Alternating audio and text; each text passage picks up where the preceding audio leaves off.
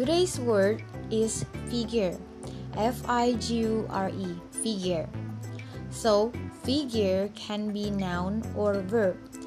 There are two meanings a figure as a noun. First is as you know, person's bodily shape, jadi bentuk tubuh seseorang. Itu arti figure. With synonyms body and physique.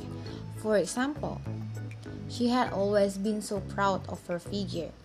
Dia memang selalu bangga dengan bentuk tubuhnya. And for the second meaning, Figure means a number and related to the financial. Jadi figure itu berhubungan dengan jumlah angka. With synonyms number, amount, or total. For example, the figure is expressed as a percentage. Total itu ditandai dalam bentuk persenan. Jadi figure itu not only to describe tentang bentuk tubuh, tapi juga bisa tentang total jumlah angka. And for the verb, if it is a verb, figure means noticeable part of something. Artinya mengetahui sesuatu atau menyadari sesuatu. With synonym appear. For example, she is smart enough to figure out what to do.